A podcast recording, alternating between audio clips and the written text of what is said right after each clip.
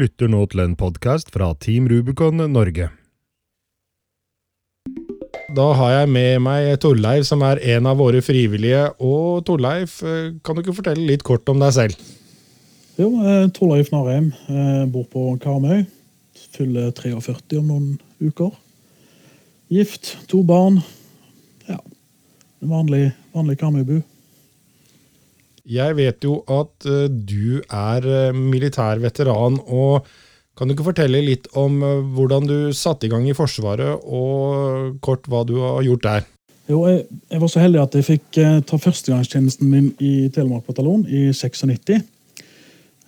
så da var jeg i, på, på Heistadmoen, var vi jo da, da. men det, det var på Heistadmoen fra 96 til 97 på IRF-kontrakt med, med Telemark bataljon i 97-98. Og så var jeg egentlig ferdig kan du si, med, med Forsvaret, sånn naturlig. Jeg, håper um, jeg hadde blitt far og sånt i mellomtida, men så brøt det jo ut krig på Balkan.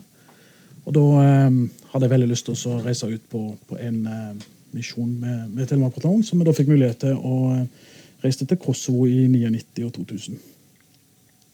Etter det så havna jeg i Heimevernet, og så var jeg med og starta disse boardingsteamene og innsatsstyrkene Heimevernet. Så jeg er for så vidt eh, fortsatt litt med, da. Eh, og syns det er gøy å ha det som en slags hobby. Du nevnte at du fikk anledning til å reise ut med Telemark bataljon. Hvor eh, dro du ut da? Da reiste jeg med Telemark bataljon til Kosovo i kontingent 1.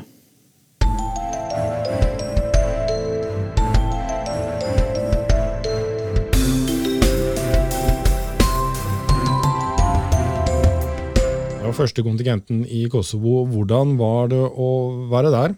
Det var jo eh, litt sånn militærromantisk. Bodde i telt og eh, vi måtte på en måte finne ut av rutinene og oppdragene litt eh, sjøl. Det var ingen som hadde vært der eh, før oss, da, i hvert fall av egne norske. Så det var veldig spennende. Og det var en eh, fin kontingent. så Den svarte til forventningene. Det var jo et eh, krigsområde dere gikk inn i. Merket dere noe til det? Ja, det gjorde vi jo. Jeg husker i starten, når vi på en måte kjørte inn i Kosovo, så var jo masse flyktninger på vei ut, og det var jo fortsatt store militære operasjoner som pågikk. Eh, så det var jo tydelige spor av, eh, av eh, krigen. Og den leiren vi etablerte, da, den var jo i et utbomba fabrikkanlegg. så det, du, du, fikk, du, opplevde jo det som om at du bodde i et krigsområde. Og veldig mange av oppdragene våre var jo Gjerne litt i den skarpe enden, kanskje. i enkelte tilfeller. Og Det var mye nød og, og, fortvilelse blant lokalbefolkningen. Vi var gjerne de første soldatene jeg hadde møtt siden fienden hadde vært gjennom landsbyen. Så, så det var en del eh, inntrykk fra krigen, ja. Det var det.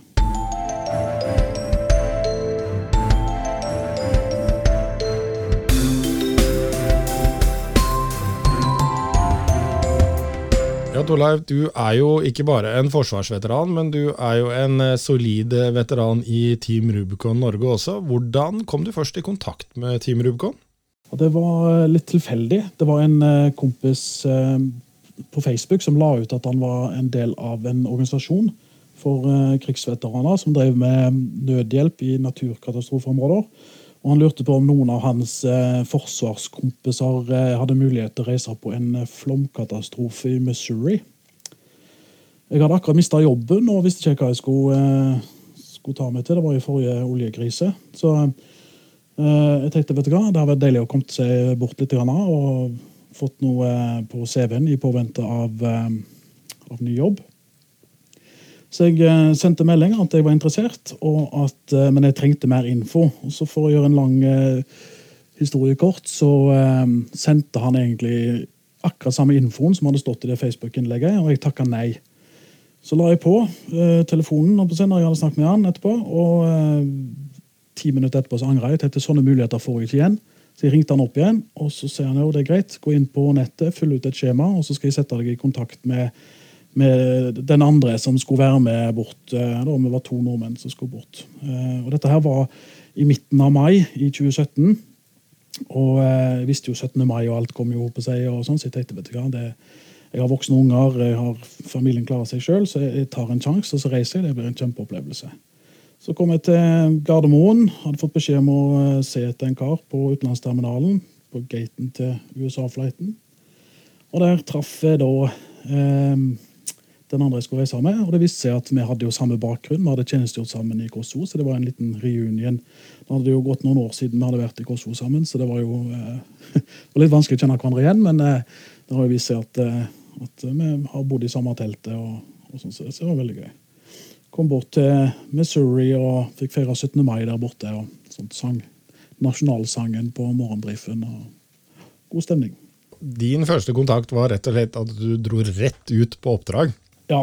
Eh, dette her var jo si, eh, forholdsvis tidlig ja, nå, har vel Team Rubicon Norge holdt på siden 2012, eller noe sånt, men, men eh, det hadde ikke vært så veldig mange ute, tror jeg, i 2017. Ikke at jeg vet noen tall på det, men, men da ble altså han kompisen min som hadde tipsa, han gikk god for meg og sa at det kunne brukes. og jeg ble jo satt sammen med en av de erfarne i Team Rubicon som hadde vært ute på flere operasjoner. Så, eh, så, jeg fikk liksom litt eh, opplæring på vei ut. Eh, jeg måtte jo fylle ut skjemaer, og sånne ting, men heldigvis da, så, så, var det noen som gikk god for meg i forhold til bakgrunnssjekk. og, og sånne ting. Så, det, så, jeg fikk litt opplæring på, på mitt første oppdrag. Ble jo sendt på en sånn her chainsaw operator-kurs. Så jeg kom liksom i gang og fikk lære litt om Team Rubicon sin måter å gjøre ting på, da, og sikkerhet og, og sånt i operasjonen ute. Det var en etablert operasjon, så, så FOB-en fungerte jo bra. Det var bra folk på FOB-en, så det var, det var, en grei måte å starte opp egentlig. Du er faktisk en av de tidligste som reiste ut. Vi hadde jo uh, Vi sendte jo folk over til Haiti i uh, slutten av 2016.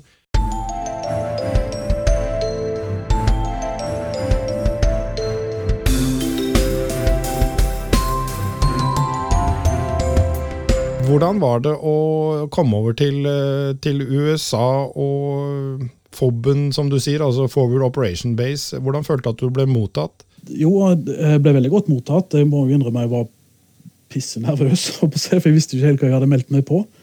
Eh, men eh, FOB-en var en, en, i kjelleren på ei kirke som hadde alle fasiliteter vi trengte. Gode, gode muligheter både for å sove, dusje og spise. Så det var det var helt greit å komme bort og, og treffe folk. Det var en fob på ca. 30 mennesker. Så. Men Du hadde jo ikke mye informasjon regner jeg med da, om eh, Team Rubicon annet enn det du hadde lest. Eh, hvordan følte du at organisasjonen fungerte, og, og, og, og igjen da, hvordan man ble tatt imot og, ble ledet inn i øvelsen, for å si det på den måten? Jo, eh, jeg må innrømme at når jeg meldte meg på, så var jeg litt redd for at det var for godt til å være sant, det jeg hadde lest og det jeg hadde hørt. Men når jeg kom bort eh, seg, og kom til forbund, så ble en tatt imot av et veldig profesjonelt apparat. Eh, de eh, ga god informasjon, og de første dagene så fikk jeg være med ut på damage assessments sammen med en erfaren. Så da fikk jeg liksom lært litt om hele prosessen fra altså, det som streikteamene gjør, da, og hvorfor de gjør det de gjør når de er ute. Så, så, jeg fikk en veldig bra og myk start. kan du si. Og, og det har jeg lagt merke til på de andre operasjonene òg. De som er, er, nye, får en veldig sånn fin informasjon. De blir satt sammen med erfarne, og, og eh, som regel så, så, eh, takler de det mye bedre enn de er redde for sjøl. For vi bygger oss jo opp på en måte forestillinger om hva vi skal med på, og, er redde for å ikke strekke til, men, blir så godt tatt imot av et veldig profesjonelt oppdrag, opplegg at det, det, er ingen problem. Det er bare å slippe seg fri og, og bli med på, på opplegget. Det her går fint. Ja, eh, For de uinnvidde så, så, kan vi jo forklare litt. Grann. du sa damage assessment. Kan du ikke fortelle litt hva det dreier seg om? Jo, eh, damage assessment det er jo å si, skadevurderinger, da, oversatt til norsk sånn på full fart. Men noen har tatt kontakt med Team Rubicon og sagt at de trenger hjelp. Så sender en da ut et lite team på en til to, eller som regel er det to mann. da, eh, som kommer ut, møter de som har eh, bedt om hjelp, og ser på om det de ber om hjelp til, er noe som vi i Team Rubicon eh, eventuelt kan hjelpe til med. Og eh, lager da på en måte en rapport på det, med en prioritering da, i forhold til hvor, hvor høyt vil vi prioritere. Vi prioriterer ofte de som er, er fattige, eller de som har på en måte mindre ressurser til å hjelpe seg sjøl. Eh, gamle, uføre og, og eh, da, veteraner blir også ofte satt litt eh, høyt på prioriteringslisten. Men selvfølgelig ikke hvis de er veldig ressurssterke, så, så velger vi de ressurssvake først. Så det blir med i vurderingen. Dette her eh, Damage Assessment-rapporten den går inn til, til, ledelsen, og ledelsen da legger dette over i en arbeidsordre som da blir gitt ut til streikteamene, eller de, ja, hvis du skal sammenligne det med forsvarsstrukturen, så blir det geværlagene, som da går ut og tar seg av det oppdraget som, som da kommet, sånn arbeidsordren som de får. Ja, Du nevner også strike team her. Kan du ikke forklare litt kort hva, hva strike teamene, hvordan de er bygd opp og hvordan de jobber? På streikteamene som jeg har vært med på, så har vi vært eh, fem til seks personer. Eh, det kan godt være flere streikteam på ett oppdrag, men som regel så er jo da ett et streikteam ute og tar en arbeidsordre. Eh, det er da de som fysisk går inn og blir skitne på, på hendene på seg, og får mørkegrå T-skjorter av svetten. De har da fått et arbeidsoppdrag på et Det kan være et hus, det kan være hva som helst. Og og begynner morgenen der med å, å sette i gang, og, og, på en måte 'get shit done', som er en sånn eh, slagord en har. da. Eh, det ledes av en lagleder, og så har en da teammedlemmene. Alle jobber, om en er lagleder eller vanlig teammedlem, så jobber alle likt. på seg, Men det er jo da teamlederen som har ansvar for å lede, lede jobben og eh, gjøre rapporteringene. Det blir jo gjort gjerne en eh, vurdering når vi kommer, hvor mye arbeid er det, og så når vi er ferdig med jobben, så dokumenteres de oppdragene som er gjort. Eh, på noen oppdrag jeg har vært med, så har det vært både vekt og målt eh, kubikk. Hvor mye eh, møkk vi har dratt ut av et, et hus, da, og sånne ting, som da blir rapportert tilbake til, til, til ledelsen.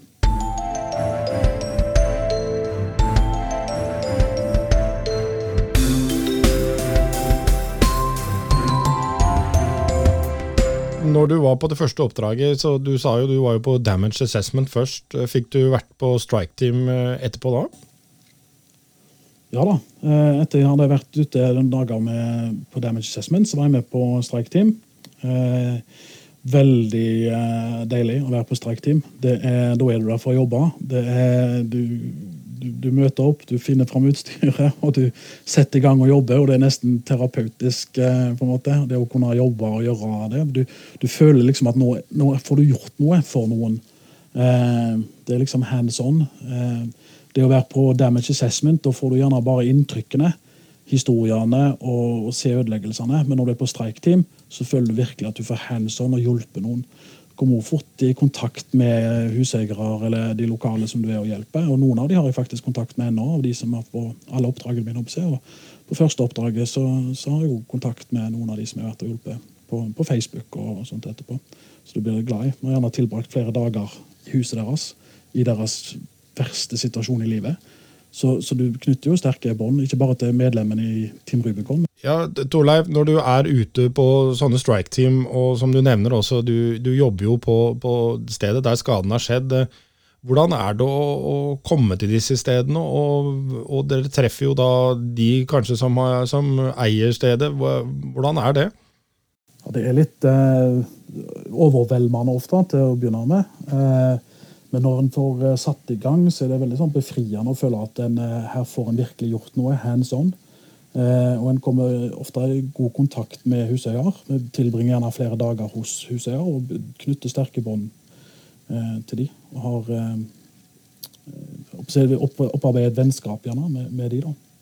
Det må være sterke inntrykk å, å være og, og se så enorme ødeleggelser? Ja, det er det. Men jeg merker det at eh, nå har jeg vært på flere oppdrag, og jeg er gjerne blitt flinkere til å beskytte meg sjøl i forhold til at jeg har ikke plass til alle sine tragedier. Eh, jeg må jo være litt proff, og jo, en ser at her er det vondt og fælt. Men eh, jeg er her for å gjøre noe med det, og så er det bare å gjøre noe med det. Men noen ganger så blir det veldig sterke inntrykk. det gjør det. Du nevner jo at du har vært på flere oppdrag. Kan du ikke fortelle hvilke oppdrag du har vært på? Jo, Jeg var jo først i Missouri, på uh, Strike It Rich, en liten by som heter Eureka. Uh, det var mai 2017. Uh, oktober 2017 så reiste jeg til Texas på Operasjon Hard Hustle etter hurricane Harvey, som, som, som kjent la Texas bløt. Så gjorde jeg vel ingenting i 2018. 2018, men i 2019, så eh, oktober, nei, november, så reiste jeg til Bahamas på eh, hurricane Dorian sin eh, ødeleggelser og operasjon eh, Dorian Greyshirt. Og nå i januar, slutten av januar og begynnelsen av februar så er jeg i Australia på Operasjon Ryan til skogbrannene der. Så du har virkelig fått kommet deg rundt på forskjellige kontinenter, med andre ord? Ja, og jeg er veldig glad for det. det er jeg føler det er belønningen en gjerne får for å stille opp. Det er jo det opplevelsene en får. Det ene er alle menneskene du blir glad i å oppleve ting sammen med, men du får jo reist og sett ting. og Du møter det usminka virkeligheten av de plassene du, du, er. Det er ikke noen turistplasser vi er på. på det, det, er de ekte menneskene på de ekte stedene. Så det, For meg så er det belønningen. på en måte. En, nå gjør en jo ikke dette for belønning, men det, det føles jo belønnende å, å ha opplevd de plassene og de folkene som en møter. Det blir jo litt feil å bruke et sånt uttrykk, men er det noen av disse plassene som, som på en måte var spesielt for deg, eller, eller, eller, gjorde spesielt inntrykk da i forhold til både selvfølgelig landet og det som hadde skjedd, men eh, er det noen av de som du vil, eh, vil skille på på sånn måte? Ja, nå, nå, vet ikke jeg om det er pga. at det er de, nærmeste historiene, men både Bahamas og Australia gjorde veldig inntrykk, og, og ble veldig jeg, glad i de plassene. Eh, operasjonen på Bahamas eh, for meg var helt perfekt. Både folkene og plassen og det jobben vi gjorde. Vi følte virkelig at vi fikk eh, gjort noe hver eneste dag. Eh, det var kjempeflott på, i Australia òg, med masse bra folk. Og, og australienerne er jo utrolige. Eh, men i Australia så, så eh, var han jo mye ute i altså var jo, Husene var jo brent ned, så mye av det vi gjorde, var motorsagarbeid. Og Da føltes det gjerne av og til litt som at en bare skar ned noen trær og reiste derifra. En så kanskje ikke effekten av det eh, på samme måten som vi gjorde i Bahamas. Men, men for all del, vi, vi, vet jo at det var viktig, det vi gjorde. og det så vi jo på, på reaksjonen til de vi var og hjalp. De, de, trengte at vi kom og hjalp. Av og, til, av og til er det bare det som skal til òg, at noen kommer og hjelper. Samme kan vi hjelpe med, men det, det snur, snur, trenden til de som trenger hjelpen. De, de, de føler at noen er der for dem.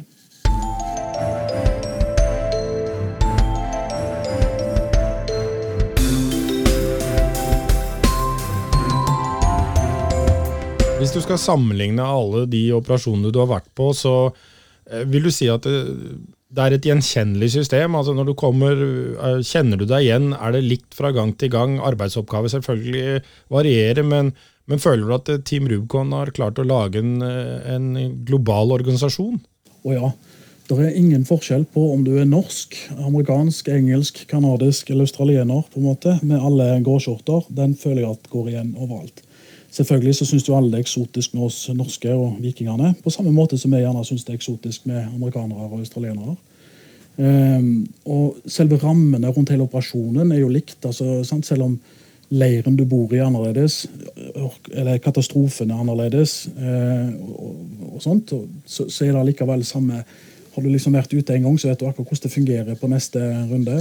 Du kommer til forbund, og det er morgenmøte og en uh, får tildelt oppgaver og reise ut og gjøre de. Og ehm, det, det der med å knytte vennskapsbånd og sånne ting blir, blir, like sterkt hver gang. Vi får nye bestevenner hver eneste operasjon. Nå er det jo selvfølgelig ikke sammenlignbart med å, å gå rundt med våpen i Kosovo, men, men, sikkerhet er jo en vesentlig del, uansett om man opererer i militær sammenheng eller i, eh, med motorsag eh, med Team Rubicon. Føler du deg sikker når du er ute på disse operasjonene? Team Rubicon er veldig opptatt av HMS og sikkerhet. Nå har jeg da chainsaw level 1 og 2.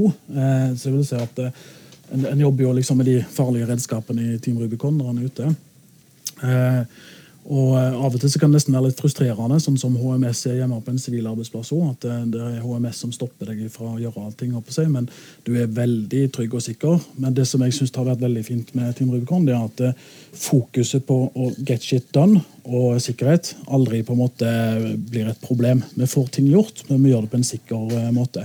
Litt på samme måte som en militæravdeling gjør det. oppe seg. Det det er farlig det vi driver med av og til, men eh, vi får det gjort. Men vi gjør det sikkert etter gode, veletablerte rutiner og, og planlegging.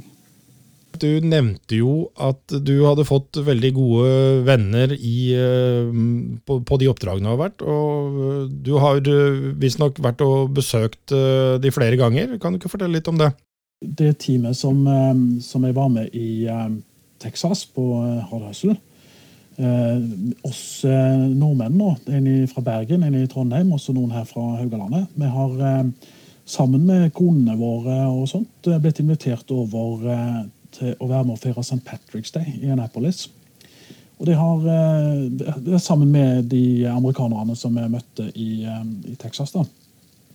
Og Det har vært en kjempesuksess. Vi har hatt det veldig gøy, så det har vi gjort hvert år eh, nå. Og vi har vært eh, på eget initiativ utenom St. Patrick's Day og besøkt eh, venner vi har fått gjennom Team Rubicon i USA. Så det har vært veldig berikende på denne fronten, det å reise ut med Team Rubicon. Med nordmenn òg, som vi holder jo fortsatt kontakten. Senest i dag så har jeg snakket med en av gutta som var med i Texas. Så, mm. Så Team Rubicon eh, gir eh, livsvarig vennskap, med andre ord? Absolutt. jeg tror eh, Når en, er, når en opplever det å jobbe i katastrofe, og de, de inntrykkene en opplever når en er på, på, sånne oppdrag sammen Det er jo litt sånn som i det militære. Så, så bygges det For, for du, du, er nødt til å være deg sjøl, for du blir så sliten på oppdragene. Så du klarer ikke å skjule hvem du er. Så vennskapene blir så veldig ekte. Og Derfor så tror jeg de blir veldig sterke, de vennskapsbåndene. Fordi folk blir kjent med den ekte av deg. De har sett deg sulten og sliten. så, så og da, eh, da, klarer du ikke å skjule hvem du er. Det syns jeg var en veldig god forklaring.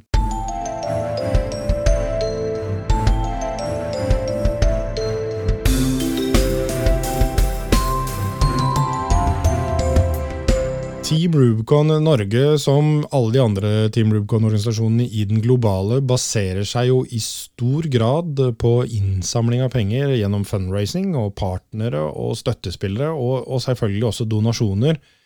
Eh, så hører man jo ofte om at eh, pengene blir eh, brukt til administrasjon og ikke går til formålet. Hva er ditt inntrykk av pengene som doneres til Team Rubicon der, Torleif? Ja, min opplevelse både fra Team Rubicon Norge og fra, fra de andre Team Rubiconene jeg har vært i, så, så ser jeg jo på en måte hands on resultatet av de pengene som kommer inn. Det er lite, så Alle er jo frivillige, vi som, eh, som jobber. Eh, og Noen ganger så er det jo sånn at eh, gjerne så strekker ikke alltid kassen til. Og, og noen har jo måttet eh, donert sjøl eh, når en er på oppdrag. Det er jo ikke noe vanlig det, da, for all del, men, men det, har jo, det, har jo, skjedd at eh, vi har måttet hjelpe til for å få siste flybilletten på, på plass. Eh, så, så, pengene går jo 100% til å få hjelp der som er. Og når vi er ute, så er effekten av altså, Vi er jo 100% på. Vi har jo ikke noe fri. altså Vi har opplevd gjerne en sånn fridag eh, hvor vi får oppleve lokal kultur, eller noe sånt, men ellers er det jo 100% på fra vi kommer til vi reiser hjem. Hvor er ute og gir hjelp. Og jeg tror nok det at den hjelpen vi eller vi, vi gir den utgjør mye mer enn det beløpene som er, som er kommet inn til å dekke flybilletter og, og maten vår. Så, så at, en, at en får en 110 eh, tilbake for, eh, altså i lokalsamfunnet for de, de pengene som, som kom inn, det er jeg i helt sikker på. Det har jeg sjøl erfart og sett. Det er jo veldig viktig at folk vet at pengene de gir, går til et riktig formål. Og de opprinnelige seks, da, for å kalle de de som dro over, var jo seks eh, norske Afghanistan-veteraner som betalte absolutt alt av egen lomme for å reise over for å hjelpe. Men det skal jo selvfølgelig ikke være standarden. Eh, vi har jo hatt noen fundraisinger i Norge, og, og, det er jo som du sier, vi er jo alle frivillige. Vi har jo ingen fast ansatte. Og det er jo klart det at eh, vi bedriver jo hjelp på et veldig basalt nivå. Eh, kan du ikke fortelle litt om hvor tungt utstyrt er man egentlig når man er ute og jobber eh, som, eh, som et strike-team? Strike-teamene har jo da som regel en, eh, en, bil. Jeg har vært med på at vi har hatt biler som har vært si, donert fra Ford-forhandlere eller eh, sånne ting. Men vi har òg hatt leiebiler fra lokale utleieselskaper. opp, så det har vært, eh, hvor vi fyller det opp med spader og økser og skrujern og driller og det utstyret vi eventuelt eh, trenger til oppdraget vi, skal på. Ofte er dette donert fra eh, samarbeidspartnere av eh, Team Rubicon. Eh, og det utstyret har jeg opplevd at blir donert videre til lokalbefolkningen til andre organisasjoner når Team Rubicon trekker seg ut. så det er jo ikke noen en sitter og å, å ruge på og, si, og berike seg på, men det går videre til når vi har brukt det, så går det videre til nytte i lokalsamfunnene etterpå.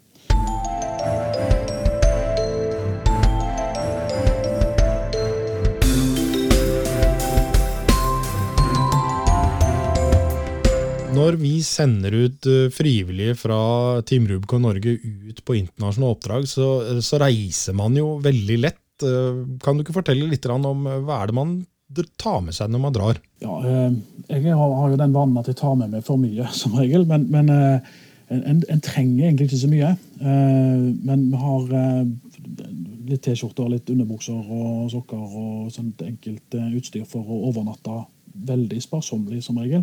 Det er feltmessige forhold. Sovepose og liggeunderlag, kanskje. Selv om vi gjerne får bo på ei feltseng, så er det greit med et liggeunderlag.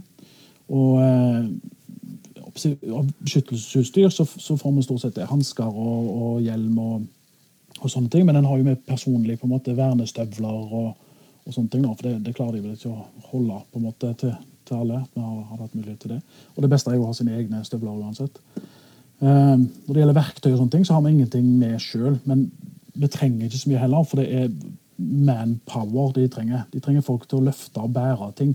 Slepe ut i, i sånne sleder eller sånn, ut av huser og, og, sånne ting. Og hvis vi trenger noe verktøy, så, så har stort sett uh, Team Rubicon det tilgjengelig. Enten i form av at det blir donert, eller sånne ting. men jeg har aldri følt at vi har mangla, utstyr, for det er stort sett håndkrafta vår uh, og, og det, som trengs da, for å gjøre jobbene vi gjør man reiser altså lett når man reiser ut på oppdraget, og når man er i oppdragsområdet, så, så er man ganske lett oppsatt der også. Det altså, går mye på håndkraft og, og, bruk av manuelle verktøy, som jeg skjønner at du sier da. Ja da, og, og det har jo litt sånn HMS-funksjoner. Det, at det, det, er jo vanlige folk som reiser ut, så, så for å unngå at alle skal få måtte ha opplæring i all slags tungt utstyr, så, så forutenom på en måte motorsag og sånne ting, så trengs jo eh, opplæring på det før vi får bruke det. Men, men uansett, uh, i forhold til manpower, seg, så er det jo sånn at de alle kan jo bidra. Uh, fordi om en ikke kan bruke verktøy, eller om en har noen skavanker her og der, eller litt sånn, så har alle noe å bidra med. Og jeg har pleid å si til de nye som jeg har hatt med meg på oppdrag, det er at uansett hva du gjør, så er det 100% mer enn du er forplikta til å gjøre. Så så lenge du gjør så godt du kan, så er det godt nok. Uh, og det, det, tror jeg er litt viktig å vite òg, at En trenger ikke være eh, råsterk og eh, viking for å være med på oppdrag med Team Rubicon. Men det viktige er at en har lyst til å være med og hjelpe, og, og gjøre så godt en kan for å hjelpe andre. Ja, Torleif, du har jo opplevd mye med Team Rubicon. Du har jo vært på fire oppdrag og vært med ganske lenge, faktisk. Helt fra starten av. Ehm, hva er ditt råd til folk som lurer på hva Team Rubicon eh, står for, og, og burde folk eh, melde seg som frivillig til Team Rubicon? Ja, Det syns jeg absolutt. En har jo ingenting å tape på, eh, på det. Det er jo ingen krav ingen forpliktelser i det hele tatt. En er nysgjerrig på dette syns det høres spennende ut. Og, og sånn, så kan en bare melde seg inn, fylle ut skjema og gjøre de tingene som, som står på nettsida. Uh, og det, verste som kan skje, er at du får uh, informasjonsmail i ny og ne. Uh, men det er ofte veldig spennende, de informasjonsmailene uansett. Dess flere vi er, dess bedre organisasjon får vi her i Norge òg. Flere å spille på. Og vi kan bli en, en, en, bra aktivitet rundt i de forskjellige distriktene hvis vi bare er, er, flere i hvert distrikt som er villige til å finne på noe sammen. Og sånn som det ser ut fremover, så blir det ikke mindre behov for organisasjoner som Team Rubicon. Både når det gjelder naturkatastrofer, men òg det å ta vare på hverandre som, eh, som veteraner. Men òg de uh, kickass civilians uh, som vi har, da, som vil finne en, en god og trygg plass å være da, med, oss. Ja, Team Rubicon er jo en veteranbasert organisasjon. I de fleste landene så er det jo en fordeling ca. 70 militære veteraner og 30% som du kaller kick-ass sivile. og Det er jo gjerne førstelinjes hjelpere Eh, føler du at Team Rubicon er en organisasjon som har plass til eh, alle? Oh, ja, så absolutt. På, eh, på, alle oppdragene mine så har vi vært en blanding av begge deler. Idet vi tar på oss den eh, grå skjorta, så er det ingen forskjell på, på, noen av oss. Og mye av de styrkene og kvalitetene som de førstelinjehjelperne, eller de kickass-vilje, som jeg kaller det, har, det er ting som gjerne vi militærveteraner ikke har så mye greier på, og, og motsatt. Så vi, vi utfyller hverandre veldig godt. Uh, der, eh, Men det, det, kreves ikke så mye spesialkunnskap verken den ene eller andre veien. Eh, det viktigste er at en er villig til å hjelpe, og det er en om en er militærveteran eller om en er kickass-civilian. Så, så, det, ja da, så absolutt. Jeg tror eh, det er rom for alle. Veldig bra. Da skal du ha tusen takk, Torleif, for at du stilte opp. Og så får du ha en fortsatt god vår, og ta vare på deg sjøl. Jo, takk for det, Frank. Ta vare på deg sjøl, du òg. Men først og fremst Nei, ta vare på hverandre, men først og fremst ta vare på deg sjøl. Ellers så klarer du ikke å ta vare på, på andre. Er det det du pleier å si? Det er det. Takk skal du ha. Yep, ha det. Og nå får vi reklame. Musikken i dette innslaget er laget og produsert av Gjøran Dahl, og han kan du høre mer av på Spotify, iTunes og YouTube.